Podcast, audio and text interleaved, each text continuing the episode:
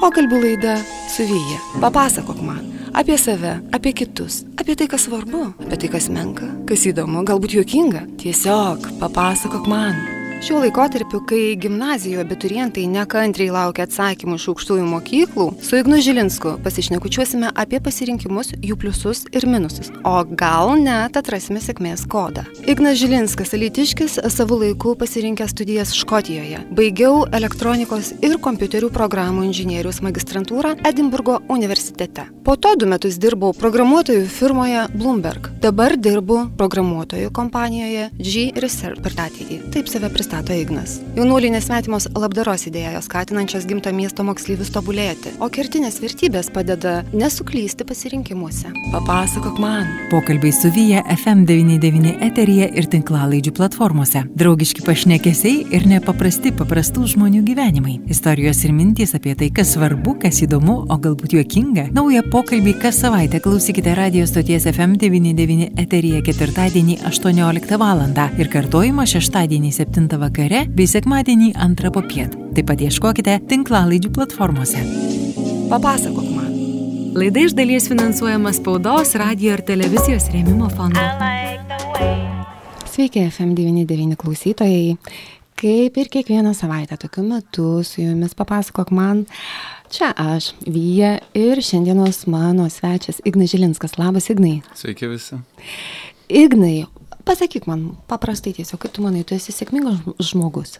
Na, aš laimingas žmogus. O kad laimingas tai yra puiku, ar tu sėkmingas? Kaip tu vertini, sakykime, save profesiniai pusėje, um, kaip pasiekimus savo, na, perspektyvas? Um, nežinau, visada maniau, kad sėkmingas žmogus tai tas, kuris turi verslą. Čia gal iš senų laikų dėl to, kad visada būdavo turtingi tie, kurie turi verslus. Na, šiais laikais tikriausiai taip jau nėra. Yra daug profesionalų, kur gerai uždirba, gali daug, daug savo leisti ir... Um, ir nekvaršinti galvos dėl verslo, nes tai yra tiesą pasakius dar tokia dar sunkesnė, didesnė atsakomybė, ne, negu kad tu esi geras specialistas ir gyveni iš to, kad tu sugebi. Žiūrint, kokį verslą turėjai, turi ten iš tėvų paveldėjęs, trečios kartos verslą tikriausiai nedidelė atsakomybė, nes niekas nepasikeis, bet um, kažką naujo pradėti, aišku, yra. Tai tu nori pasakyti, kad tau atrodė visą laiką, kad sėkmingas žmogus yra tas, kuris turi verslą, e, ten trečios kartos milijonierius, milijardierius ir taip toliau, o visi kiti nėra sėkmingi. ne, ne, ne, man atrodo, kad, e, nu, 90-aisiais visi tie, kur turėdavo geriausias mašinas ir viskas būdavo verslininkai. Treningai, auksinė grandinėlė ant kaklo ir geras automobilis. Tai yra sėkmingas žmogus. ne, bet iš, esmės, kaip, turiu dabar gerą darbą, e, galiu savo leisti nueiti į kavinę ir man Dėl to jaučiuosi sėkmingas. O kaip dėl treningų grandinėlės ir gero automobilio? Automobilio tai neturiu, nesu niekada turėjęs. Tai dar Metro? trūksta iki sėkmės. Metro ar kojos.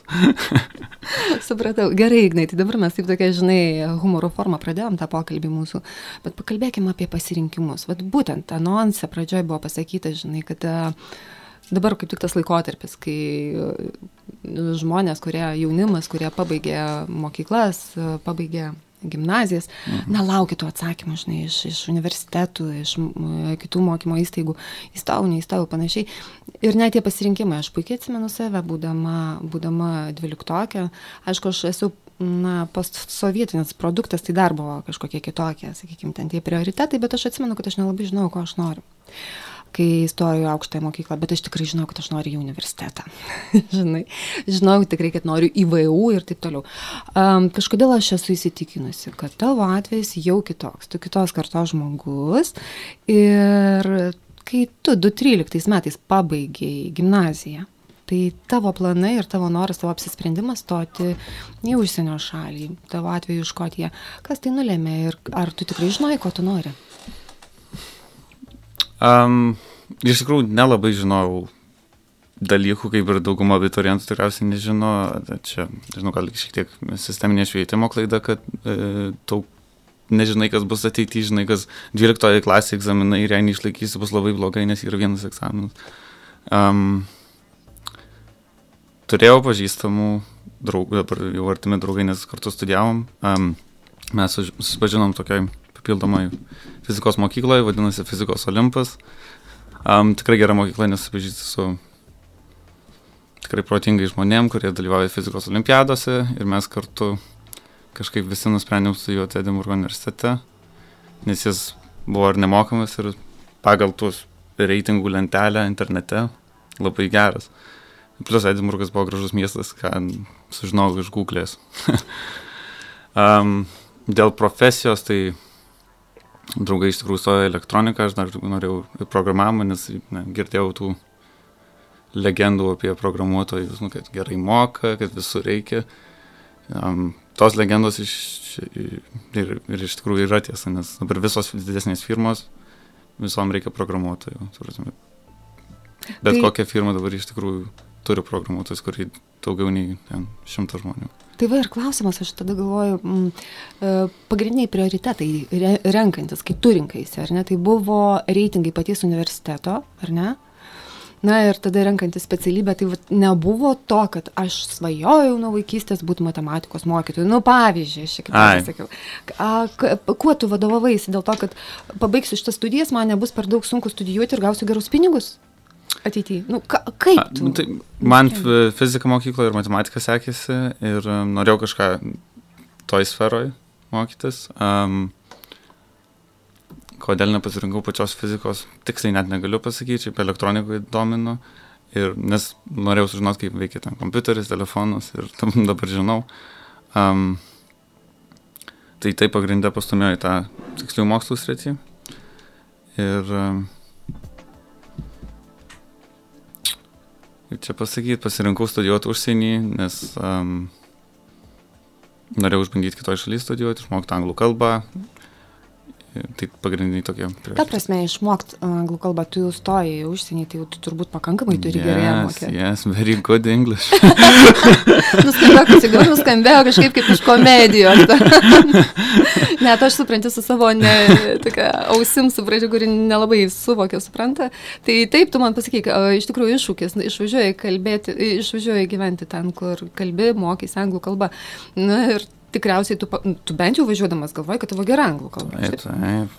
Bet tai... Kokia ta tavo kalba buvo iš tikrųjų, kai tu nuvažiavai? Buvo gera rašytinė, skaitytinė, bet susikalbėti neišėjo taip lengvai, nes pats kalbė su akcentu, žmonės kalba su savo akcentu ir greitai. O škotijoje dialektas, sakykime, tai vis tiek irgi kažkoks yra tas vadinamas lengas. Gan stiprus, aš be, mhm. šiek tiek išmokęs. Noriu pasakyti, kad dabar tu gyvendamas Londone, nes tu gyveni dabar Londone, kai pradedi kalbėti angliškai, kiti sako, a, tu iš Škotijos? Ne, bet aš e, gyvendamas Londone supratau, kaip reikia šnekėti škotiškai. Nes mano bendrovė pradėjo šnekėti škotiškai ir galvoju, aš žinau, kaip jie dabar skiriasi ir, mhm. ir dabar galiu gan parodyti juos. Mhm. bet vis tiek nesuprantu iš tikrųjų, kaip šneka, jie labai su stipriu akcentu šneka, kartais net nesuprantu kokią kalbą, tiek ypač kur, nu, E, statybininkai ten itin turi stiprų mm -hmm. dialektą. Mm -hmm. Tai čia panašiai kaip galų galia ir pas mus yra ten, na, aš ne visada suprantu, ką žemaičiai kalba, netgi dažnai nesuprantu. Žemaičiai tai beveik kita kalba irgi. Mm -hmm. Kaip škotai. Taip, panašiai, irgi šiauriai. jo. Gerai, Ignai, tai tada e, dar kalbant apie tas studijas, apie pasirinkimus, tai um, užsienis, tu jau panašu pasakėjai, kodėl. Gana jaunatiškas, e, tarp kitko, tavo argumentai, kodėl tu važiavai, bet dabar, va, skamba gana tokie jaunatiški, tokie, nu, norėjau kalbą gerai išmokti, ar ne? Nu, gražus miestas tas Edinburgas, na, kažkaip, va taip, va. Bet labai smagiai, fainai skamba. Kitas klausimas, tada mes, o kaip studijų kokybė, tu vis tiek, jaunas žmogus, tavo klasiokai, tavo draugai, ar ne, kurie liko, e, dalis Lietuvoje irgi studijavo, nu, pasibendravot, pasikalbėjot apie tas studijas, kas pas jūs ten, kas pas jūs čia, ar ne? Tai kaip tu manai, kuo skiriasi studijos, ta pati studijų kokybė Lietuvoje ir užsienyje? Bent jau, na, Europos šalyse? Man atrodo, Lietuva yra sudėting, sudėtingesnė programa, ten daugiau ir um, daugiau visko išmoko ir iš tikrųjų sudėtinga. Manęs kartais prašydavo padėti su namų darbais, kur Lietuvoje studijuodavo, aš negalėdavau jų išspręsti.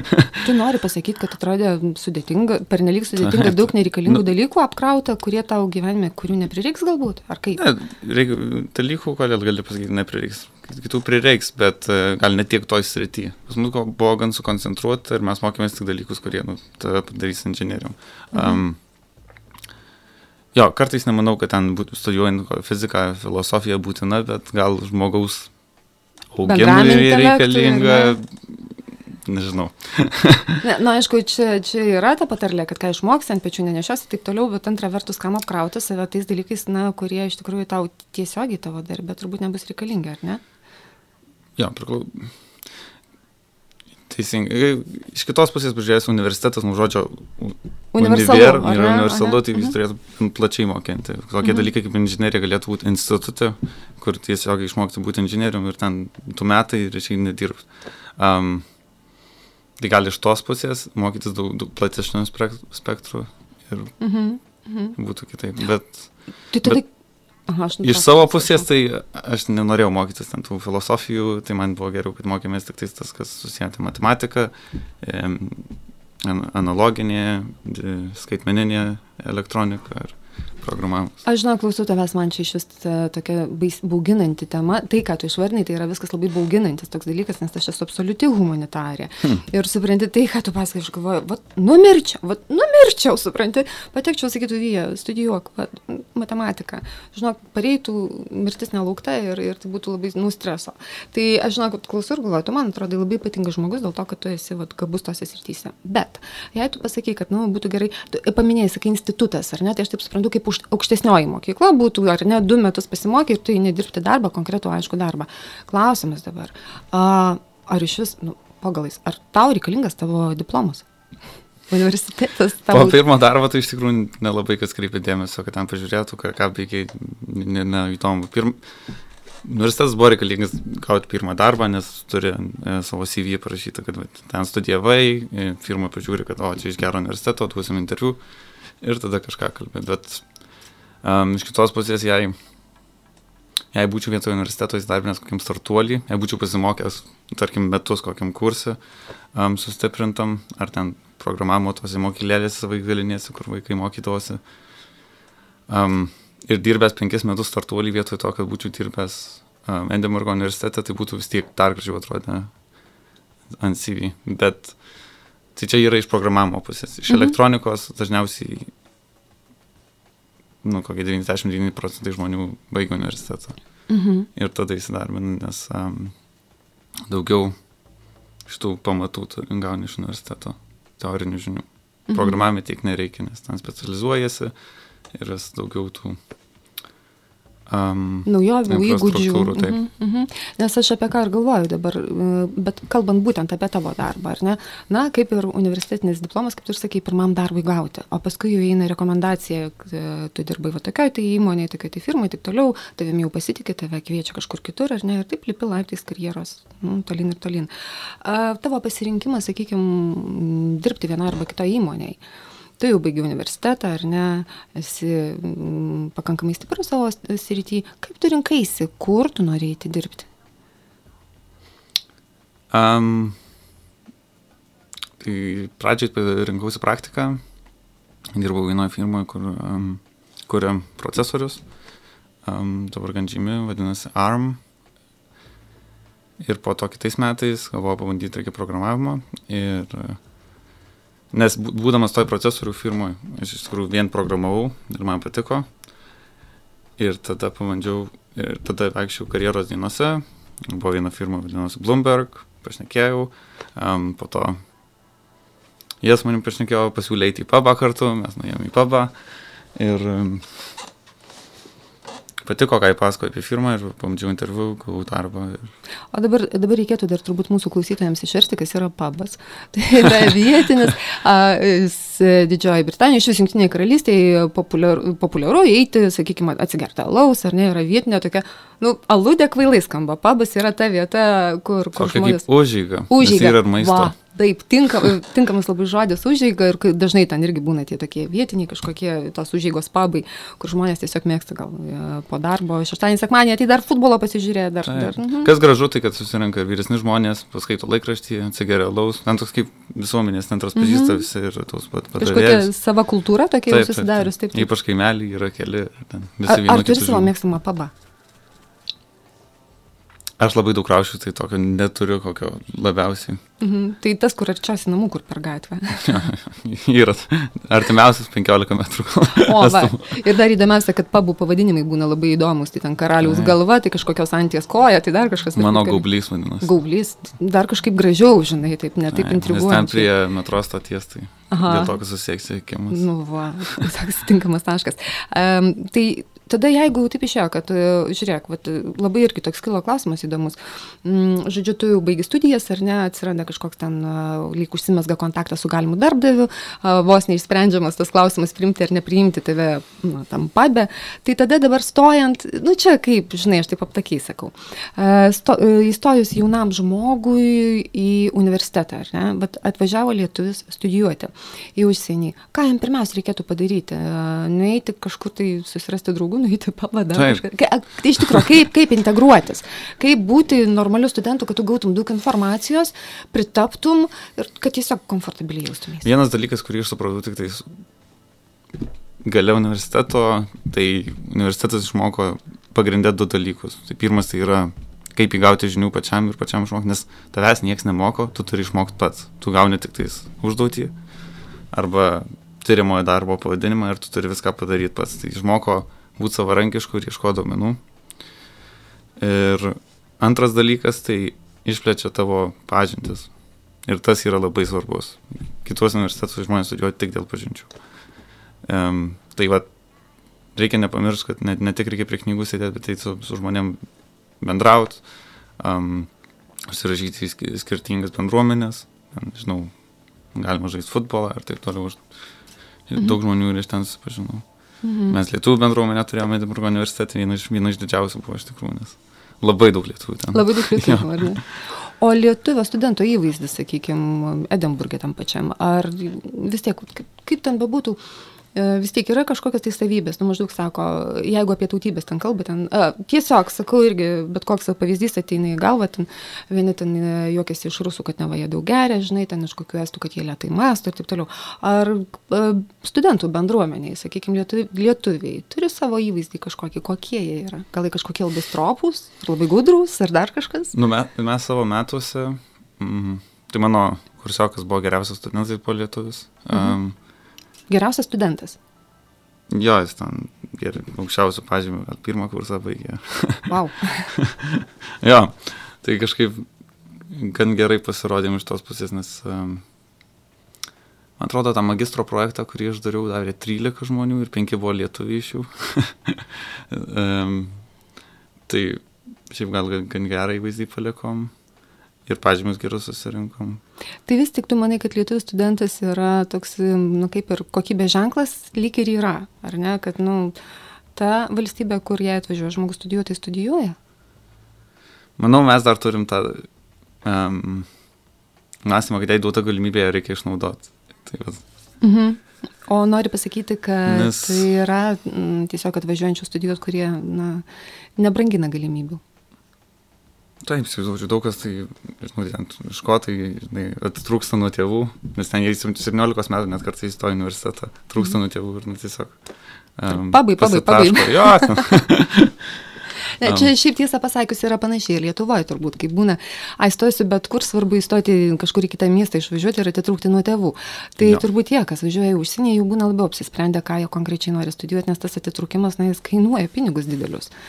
Nu, šiaip palyginus. Tai kiti atitrūksta irgi iš tikrųjų. Ten buvo variantų, kad iš lietuvių pažįstamų, kad ten namie labai tėvai spaudė, išvažiavo ir tada ten, nu, net ne, nesugebėjo pabaigti universiteto. Mhm. Mhm. Ir, um, nežinau, mano nuomonė, kad um, vaikas dar mokykloje turi būti, kažkiek turėtų laisvės, nes po to ateityje tėvai niekada neskontroliuos. Ir turėtų būti motivuotas, ta, pats, žinai, nemotivuojamas taip, taip, tėvų. Tai tu turėjai tos laisvės, kai buvai moksleivis. Jo, buvo labai smagu. Nenorėtum grįžti į tuos laikus, kada buvai Alitaus vienos iš gimnazijų gimnazistas. Mm, ne. Aha. Aš kuo toliau gyvenu, tuo geriau gyvenu. Tuo tai- geriau tai... gyveni, ir tai suvoki. um, ir, jo, kažkaip gyvenim, gyvenimiška patirtis padeda, vis tik jautiesi labiau užtikrintas, kai, um, kai kaž, kažkokį pagrindą turi po kojom. Tai um, mokykloje buvo labai smagu, turėjau daug draugų, um, žaidžiau futbolą, ne, labai, nu, ne aukščiausių lygių, bet, bet vis tiek uh, buvo labai smagu. Mhm. Tai tada dabar tiesiog mes artėjom prie įpusėjom savo laidą, žinai, bet tas klausimas, jeigu ateina jaunuolis, dabar pabaigęs neseniai mokyklą ir sako, Ignai pasakyk tu man, tai Lietuva ar užsienis, kur studijuoti?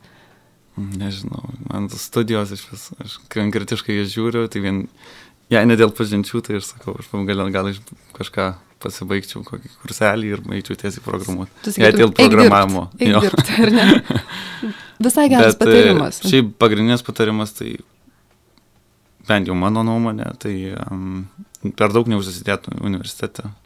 Jei jauti, kad daug nebeišmoksti. Pavyzdžiui, man buvo, kad aš keturis metus bu- pa- pa- pabuvau ir jaučiau, kad ketvirtuosius metus nelabai ką iš vis išmokau. Penkti metai buvo ketvirtų kartojimas, tai aš ten tiesiog įmarinau ir Ir tau atrodė, kad tu gaišti laiką? taip. Tai vad, jei jautiesi taip, tai jau manau, kad užtenka. Klausyk, o kas būtų buvę, jei tu būtum nepabaigęs universiteto, vat paskutinis kursas lieka ir būtum išėjęs? Tai jau aš turėjau iš darbo pasiūlymą po praktikos, tai ir galėjau O tiesiog... kaip būtų tėvai reagavę? Kaip panikavę, tai dėl to ir baigiau. Va, apie ką kalba. Tai, bet vat, ką mes ir, ir, ir tokia mintis pas mane irgi atėjo, ar tu nemanai, kad labai nemažai jaunimo stoja į aukštasias mokyklas būtent dėl to, kad Dėl tai yra jų statuso. tėvų svajonė, o ne jų pačių? Gali būti. Taip, taip. Ir stoja iš karto, iš karto po mokyklos. Um, gal kartais verta metukus palaukti, padirbėti, pažiūrėti, ko tu nori, pakalbėti. Mhm. Užsidirb gal pinigų kažkiek, kad būtų pi- pirmai pradžiai, nes vis tiek išvažiuoju, daug viskas kainuoja, supranti, kad nuoma e, brangiai, supranti, kad sūris kainuoja 3 eurai. nes prieš tai tėvai nupirkdavo. Nupirkdavo taip, taip, atsidarai šaldytuvą, žiūrėk, suris pats atsirado. Taip, sūrio nevertini tik čipsus, o po to reikia nusipirkti. Mhm. Tai tu siūlytum, sakytum, palauk, neskubėk, padirbėk, palauk metus, supras, ko tu nori ir nebūtinai turi stoti universitetą, jeigu to nori tavo tėvai, ar ne? Jo, nereikia panikuoti. Jei jautie, kaip jautiesi, taip reikia padaryti, apmastyti ir Mhm. ten, jei neįstoji šiemet ir dėl to, kad tavo draugai įstojo verkė, tai darai klaidą, tiesiog tavo gyvenimas taip susiklosti. Gal, ne- Mhm. aš likimų netikiu, bet gali išnaudoti viską, ką tau duoda. Turi galimybę pailsėti galų galę ir apsispręsti, tai jau yra gerai. Palsėt, gali padirbti skirtinguose darbuose, um, Mhm. kad ir aš dirbu padavėjų, gali patirti padavėjų. Ir gal netrodo, kad tau pridės kažkokios patirties tas darbas, bet man pridėjo. Aš galiu paprasčiau kal, kal, kalbėti su Mhm. žmonėmis ir tas man tikrai padėjo gaunant um, darbus, nes interviu Mhm. lengviau bendrauti. Mhm. Turbūt šiandien, kaip manai, Ignai, mes šiandien bandom padrasinti jau- jaunus žmonės nebijoti gyventi taip, kaip jie nori, ar ne, ir, ir ieškoti žinių savais keliais, ar ne? Kažką panašaus daro. Taip, ieškoti žinių, um, neišsigąsti situacijos, kurią papuoliu. Nes gi iš kiekvienos situacijos gauni patirties. Va būtent. Ir prieš, laidą, prieš pertrauką tu sakai, kad tu netiki likimu. Dieve šventas, kaip gali netikėti likimu, man tai būna patogu, žinai, jeigu, nu, padarau, ką nors prisidarau, prisidirbu, žinai, nu, jaučiu vidui, kad kažką galbūt, žinai, aišku, pati galėjau padaryti, bet nepavyko ir jei ištinka nesėkmė, aš sakau, nu, tai va toks likimas, žinai, taip gerai e, būna nubraukti, va, į, į kažkieno, į kažkokią tai pusę, žinai, mistinę. Tai tu, tavo nuomonė, kodėl tu manai, kad nėra likimo? Tiesiog man. Aš nežinau, kodėl jis turėtų būti, nes viskas priklauso realiai nuo išorinių faktorių ir labai daug priklauso nuo tavęs tavo gyvenime. Um, jei būna kažkokia nesėkmė, tai lengva nurašyti, kad čia buvo um, dėl likimo. Bet iš esmės toks požiūris, kad aš padariau klaidą, yra sunkus, nes žmonės nemėgsta daryti klaidų ir nemėgsta būti neteisus, bet būni neteisus ir darai klaidas kiekvieną dieną. Reikia tiesiog tą suprasti, suprasti, kur padarai klaidą ir, ir tiesiog gyventi. Ir vėl iš to pasimokyti, ar ne? Jau praėjo. Mhm. Ir nesidaryti atgal, ar ne? O esmė yra savęs ne, ne per daug nespausti. Ypač abiturientams norėčiau pasakyti. Neįstoji kažkur, neįstoji. Esmė, kad pabandėjai. Blogiau yra nepabandyti, negu pabandyti ir kad neišėjo. Mane atmetė kažkaip ir ten praktikos ieškausi, tai nežinau kiek firmų, o dabar į visas galėčiau starbinti, bet ne, nenoriu. Tai va, toks yra, kad net tavo talento ne visi gali suprasti. Um, jei esi geras, tai kartais tik tai geri žmonės supranta. Mhm. Arba kai geros firmos, pažiūrėjau, negali investuoti užtikrinai tave, kad tu išauktum. Um, Taip, Tai- ir, ir tiesą pasakius, man labai patiko tas pasakymas, kad negalima savęs spausti, žinai, varyti savęs į kampą ir dėl kažko kaltinti ir plaktis, tiesiog pasinaudoti galimybėmis. Reikia gaudyti galimybės, ar ne? Ir kiekvieną kartą, sakykime, kaip tu sakėjai, tu bandėjai į kažkokias praktikas, ar ne kažkur tai pakliūti, gaudavai neigiamus atsakymus. Kaip reaguoji į tą spriktą į kaktą? Tai užknisa, bet po to, kai įpranti, tai tiesiog ragas ir ragas. ir visur, ką, iš vien žmonės gauna ragus, tiesiog toksai yra gyvenimas. Aš taip, žinai, klausau tavęs ir man taip miela, žinai, aš taip galvoju, tokia, nu, supranti, filosofinė išmintis atsiradusi, supranti, pas tave kaip pas jogą kokį, žinai, taip, taip paleidęs viską taip gražiai, žinai. Ir aš galvoju, iš tikrųjų iš tavęs verta pasimokyti, tai kitą kartą gal pagalvoju, žinai, gal tie iš tikrųjų, kaip tu sakei, va tie, žinai, ragai, jie duoda žmogui, gal iššūkdo kažkokią kantrybę, duoda, ar ne, tą suvokimą tokį, kad ne visada tau turi sektis ir neprivalo sektis ir tu neprivalai visą laiką būtent, žinai, pirmūnų ir taip toliau. Jo. Mokykloje būdavo tokia miskoncepcija, nežinau kaip lietuviškai įteikta, kad mm. jūs man pasakojo matematikos mokytoja, o va čia gerai mokėsi, tai firma pati atėjo ar pasiėmė. Dažniausiai mm -hmm. tai niekas neteina ir pasiima, reikia pačiam pasim gyvenime. Ir reikia įprast pabandyti viską pačiam pasim. Bent jau mano, mano požiūriu taip. Gerai, Ignai, ir kadangi mes jau pakalbėjom apie tai, kad tu esi, kaip tu dabar pasakiau, kad jau, jau tu toks net jau, žinai, toks vos nenušvitęs, gražiai, gerąją prasme. E, čia, aišku, buvo humoras. E, klausimas būtų toks, tavo vertybės. Kokios pagrindinės gyvenime yra tavo vertybės? Nežinau, iš esmės esu draugiškas žmogus, um, bet manau, kad kaip toleruoju realiai viską, tik tais netoleruoju tiesiog kvailumo, kuris pagristas nieko. E, mes gyvenam to, tokiu periodu žmonijos, kad yra klimato kaita ir vien, didžiausia žmonijos problema - koronavirusas yra antra, nes ateityje klimato kaita tikrai nužudys daugiau žmonių. Um, reikia fokusuoti su tuo, kas dabar vyksta, žmonės kariauja tarpusavį dėl kažkokių dalykų, nesifokusuoja ties, tų, ties to, kas vis, visuomeniai svarbu. Ir um, tai vad mano pažiūrė, aš, aš esu pagal politinės pažiūrės žalesis ir tai mano tokios vertybės.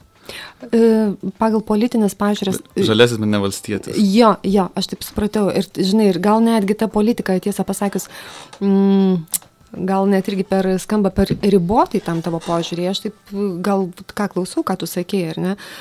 Išskirčiau, kad, na, tu tiesiog žiūri viską labiau globaliai, negyveni, vat, kad čia minutė šitoje vietoje, nes tu galvoji apie ateitį. Klimato šilimus, ar ne? Klimato kaita ir apie tai, kokia tai gali būti grėsmė mums tai tave jaudina, reiškia tvarumas, ten tos pačios tvarumo idėjos, ar ne, kaip neteršti aplinkos, kaip sustabdyti tą kaitą. E, greičiausiai viena iš, tada viena pagrindinių vertybių tavo dabar yra tiesiog. Taip, bet kaip individualiai labai daug negali pakeisti. Šiandien. Yra struktūriniai sprendimai e, ir iš tikrųjų valdžios žingsniai, kurie gali pakeisti, pavyzdžiui, paprastas vataromatas, ar ne? Dėl jo Lietuva pasidarė pirmą pas Europos valstybė pagal e, procentaliai, kiek mhm. perdirba plastiko butelių.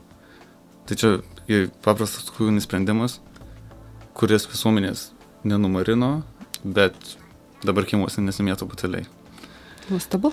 Taip, nu, aš visiems ir Anglijoje papasakoju, ir Anglijoje tokio dalyko nėra ir nežinau kodėl. Čia, tu, tokių sprendimų reikia kuo daugiau ir kuo dažniau. Um. Aišku, nėra lengva juos įvesti. Nėra lengva dėl to, kaip tu ir sakėjai, kiek supratau, kaip tu mm, netoleruoji, sakėjai, kvailumo ar ne, bukumo ir panašiai.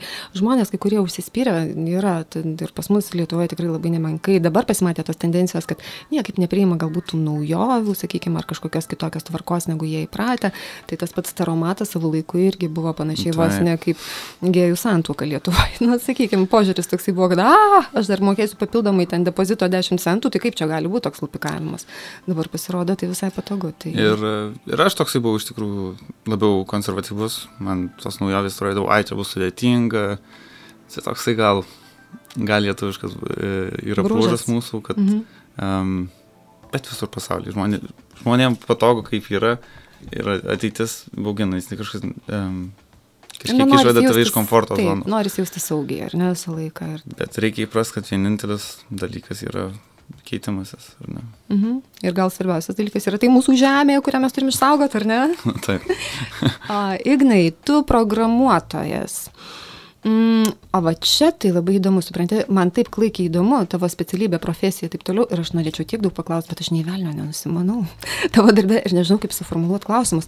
Tu man pirmiausiai, pirmiausiai imk ir paaiškink, kaip tu vat, paprastam vartotojui, paprastam žmogui, vat, gatvėje sutiktam žmogui, kuris nelabai bendrauja, gal su kompiuteriu, paaiškintum, kas yra internetas.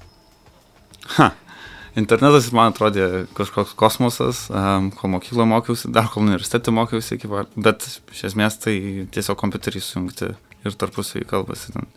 Um, kai būna serveris, tai atrodo labai jau um, kažkas debesyje yra, bet iš tikrųjų tiesiog nusintė žinutę kit, kitam kompiuteriui, jisai ją išanalizuoja ir pasintė atgal. Ir tada tau atidaro internetinį puslapį Tai tu nori pasakyti, kad visam pasaulyje uh, pilna ten atitinkamų, uh, pilna kompiuterių, kurie yra tarpusavį sujungti ir jie padaro didelį tinklą, kuris yra internetas. Taip, ir tad žodis inter, tai yra tarpusavį ir, ir net tinklas. yra tinklas.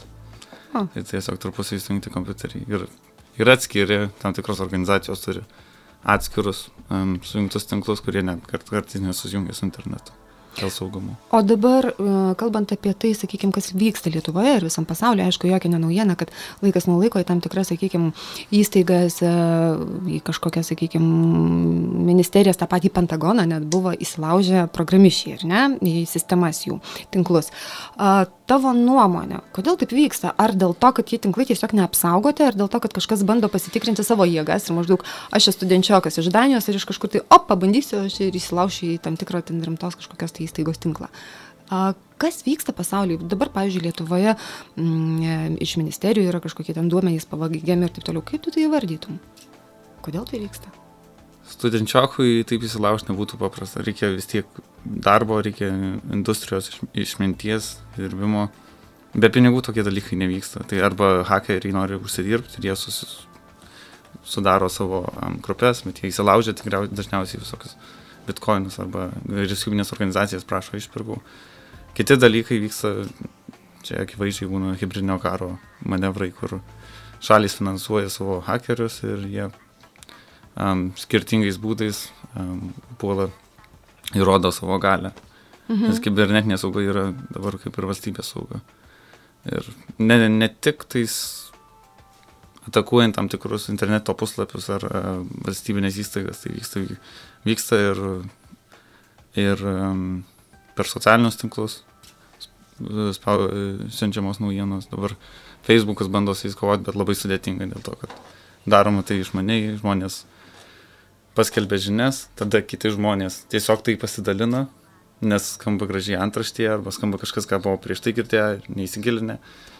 Ir tokiu būdu tos žinios pat, lyg patampa ir faktu, nes visuomeniai tai atrodo.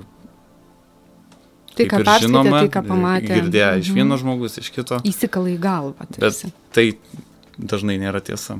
Ir tu tai pavadintum irgi viena iš na, hybridinio karo apraiškų. 10 procentų. Mhm. O, o Ignai, tada dar vienas uh, klausimas. Provokuojantis klausimas. Hmm. Ar tu esi bandęs kur nors, sakykime, bestudijuodamas, besimokydamas kur nors įsilaužti, ką nors nelegaliai padaryti? Ne, aš ne, nebūčiau mokėjęs. o dabar mokėtum? Um, tuo sferoje nedirbęs, bet, bet bent jau žinau, kokį galimų atakų būdų. Mhm. Ir tada kalbant apie kibernetinį saugumą. Uh, kaip tu manai, ar, aš nežinau, tiesiog gal čia to pasirodys kvailas klausimas, ar ne, bet mūsų valstybei, ar um, tai man, žinai, pasidarė keista, nu kaip gali ministerija imti ir įsilaužti žinai, kažkokius duomenys pavokti. Ar pas mus yra per mažai dėmesio skiriama saugumui kibernetiniam? Kaip tu manai? Aš, um, kibernetinės saugumas tai tokia yra sritis, kuri atsilieka nuo industrijos.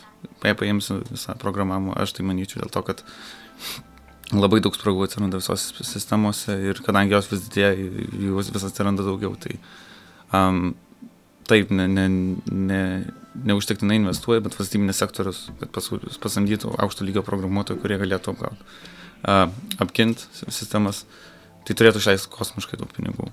Ir um, tai nėra lengva. Tai kartais geriau gal prasileisti vienai dienai tą ataką ir tiesiog mažiau sumokėti mokesčių mokėtojų pinigų. um, labai gerai pasakyti, įdomiai. Ignai, ar tu geras programuotojas? Žiauri. Ignai, kiek tu uždirbi? Negaliu su šito dalintis. Negali. Bet pasakyk tu man, atlygis tavo kvalifikacijos specialisto Lietuvoje ir užsieniai labai skiriasi. Um, Lietuvoje iš tikrųjų, kiek aš paklausęs, tai labai pasivėjo algos. Net nežinau, gal jos niekada ir nebuvo atsilikę. Ir pagal gyvenimo kokybę, tai manau, kad žiūrint kokie prioritetai, ar gyveni su šeima, ar gyveni vienas ir ten tik tai tūsini, um, tai jei gyveni su šeima, reikia daugiau vietos, reikia mašinos, tai Lietuvoje tikrai geresnę gyvenimo kokybę gali turėti. Mhm. Tokiam kaip Londone, ten nuomat labai labai daug kainuoja ir visokie ten privatus darželiai, privačios mokyklos, nes ten į tokias vaikus leidžia. Lietuvoje, man atrodo, švietimo lygis vis tik yra aukštesnis, jei taip paėmus bent jau tas viešas, tai tas paprasčiau. Mhm dabar galvoju, ką dar čia tokio provokuojančio paklausti ir, ir, ir nesugalvoju. Vat žinai, kur problema, didžioji problema, kad nieko apie programavimą nesuprantu. Hm. Kaip tu žiūri į socialinius tinklus iš vis, į tavo paskyros socialiniuose tinkluose? Kiek dalinės informacijos, ar tu iš vis turi tas paskyras? Tai aišku, turiu. Ir kaip, kaip, kaip žmogui reikėtų saugiai elgtis tuose tinkluose? Tu kaip programuotojas, ką galėtum pasakyti? Tai reikia žinoti vieną dalyką, kad ką, belė ką, ką ten įkelsi, tai niekada jau nebeištrinsi. Gali pabandyti ištrinti, bet nesigarantuotas, kad ta informacija dings. Nes kiti žmonės pamatys, gali nukopijuoti. Um. Visada reikia pagalvoti du kartus ir gali kelti. Aišku, girtas galite neprigalvosi pa. daug. Svarbiausia taisyklė yra nekelti informacijos būnant girtu. Bet jau gingiausia, kai keli girtų. Kai būna smagu stebėti, ar ne? Jo. Kitų reakcijų. Um, nežinau, labai praučių dalykų nesidalini, bet ten, kai viešos vietos sėdė, tai nieko vis tiek tokio lab, itin blogo nedarai. Um, o tu iš viską nors itin blogo darai? Nelabai. Supratau, tai gali Beveik vienas dalykas, kad žmonės um, labai daro, ir aš pastebėjau Facebook'e, tai komentuoja gan žiaurius dalykus ir kiti žmonės net gauna, nu, patenka į būčiamą atsakomybę dėl to. Tai mm. reikia visada pagalvoti Prilaikyti kad čia tavo nuomonė ir mm. jei tu prieksi kažkokį politiką ar ten svetim šalį juododį internete, tu gal pasijausi šustras, bet iš tikrųjų tai tu žmogui dariau, mm -hmm. žmogui, žmogui darai blogai, nes jei žmogus paskaito komentarą, gali iš tikrųjų įsižeisti ir dar gali gauti, nu, galvą. jo, ir baudą. Ignai, mūsų laikas baigėsi ir, ir aš žinai, paprastai būna prašau, kad kas nors ką nors palinkėtų, ką pasakytų, ką nors ten žmonėms, kurie mm, klausosi. Tavęs aš šito neprašysiu. Kodėl? Žinai, kodėl? Ne. Todėl, kad mes viską susakėm, palinkėjimai visi buvo. Mes pasakėm, kad tiesiog tu pasakėjai, kad žmonės turi daugiau bendrauti, na, sakykime, komunikuoti ar ne, saugoti šį pasaulį ir, na, bent jau nepasiduoti spaudimui, pasirinkti, ko jie nori gyvenime, ar ne? Ten... Taip atsirinkti. Viskas. Visos pamokos susakytos. Ignai, žinok, noriu palinkėti tau sėkmės ir dar ką aš noriu tavęs paprašyti. Grįžk į Lietuvą ilgainiui, ką? Tai aš jau dabar Lietuvą. Gerai, ačiū tau, kad atėjai ir iki. Gerai, viso gero.